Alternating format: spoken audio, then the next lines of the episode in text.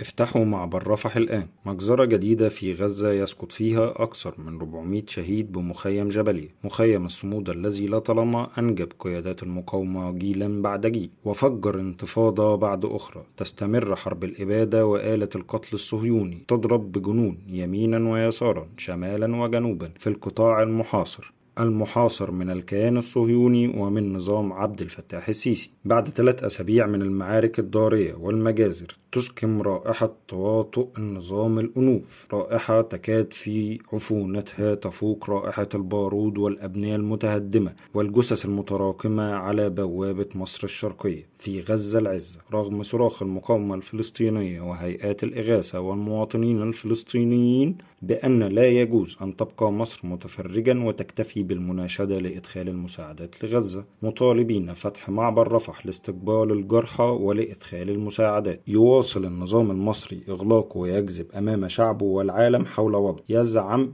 النظام أن المعبر مفتوح ويتحجج بأن إسرائيل لم تسمح للإغاثة بالدخول أو للجرحى بالخروج.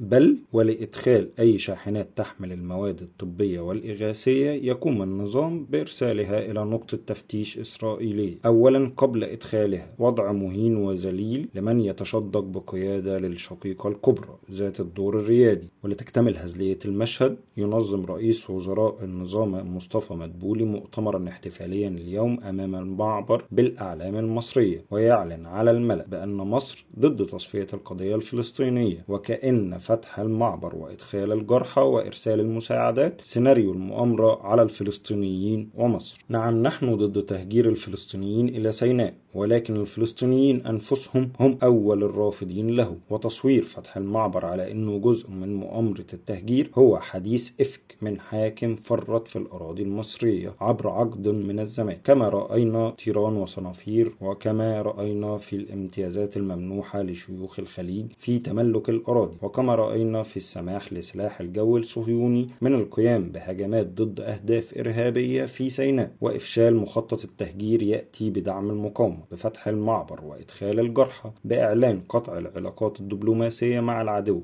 وسحب السفير المصري من تل أبيب. بفك الارتباط وإنهاء الاعتماد على واردات الغاز الإسرائيلية لتوليد الكهرباء. بالسماح لأهالي سيناء المهجرين قسريا للعودة لقراهم ومدنهم التي هدمها الجيش المصري على رؤوسهم في حربه على الإرهاب.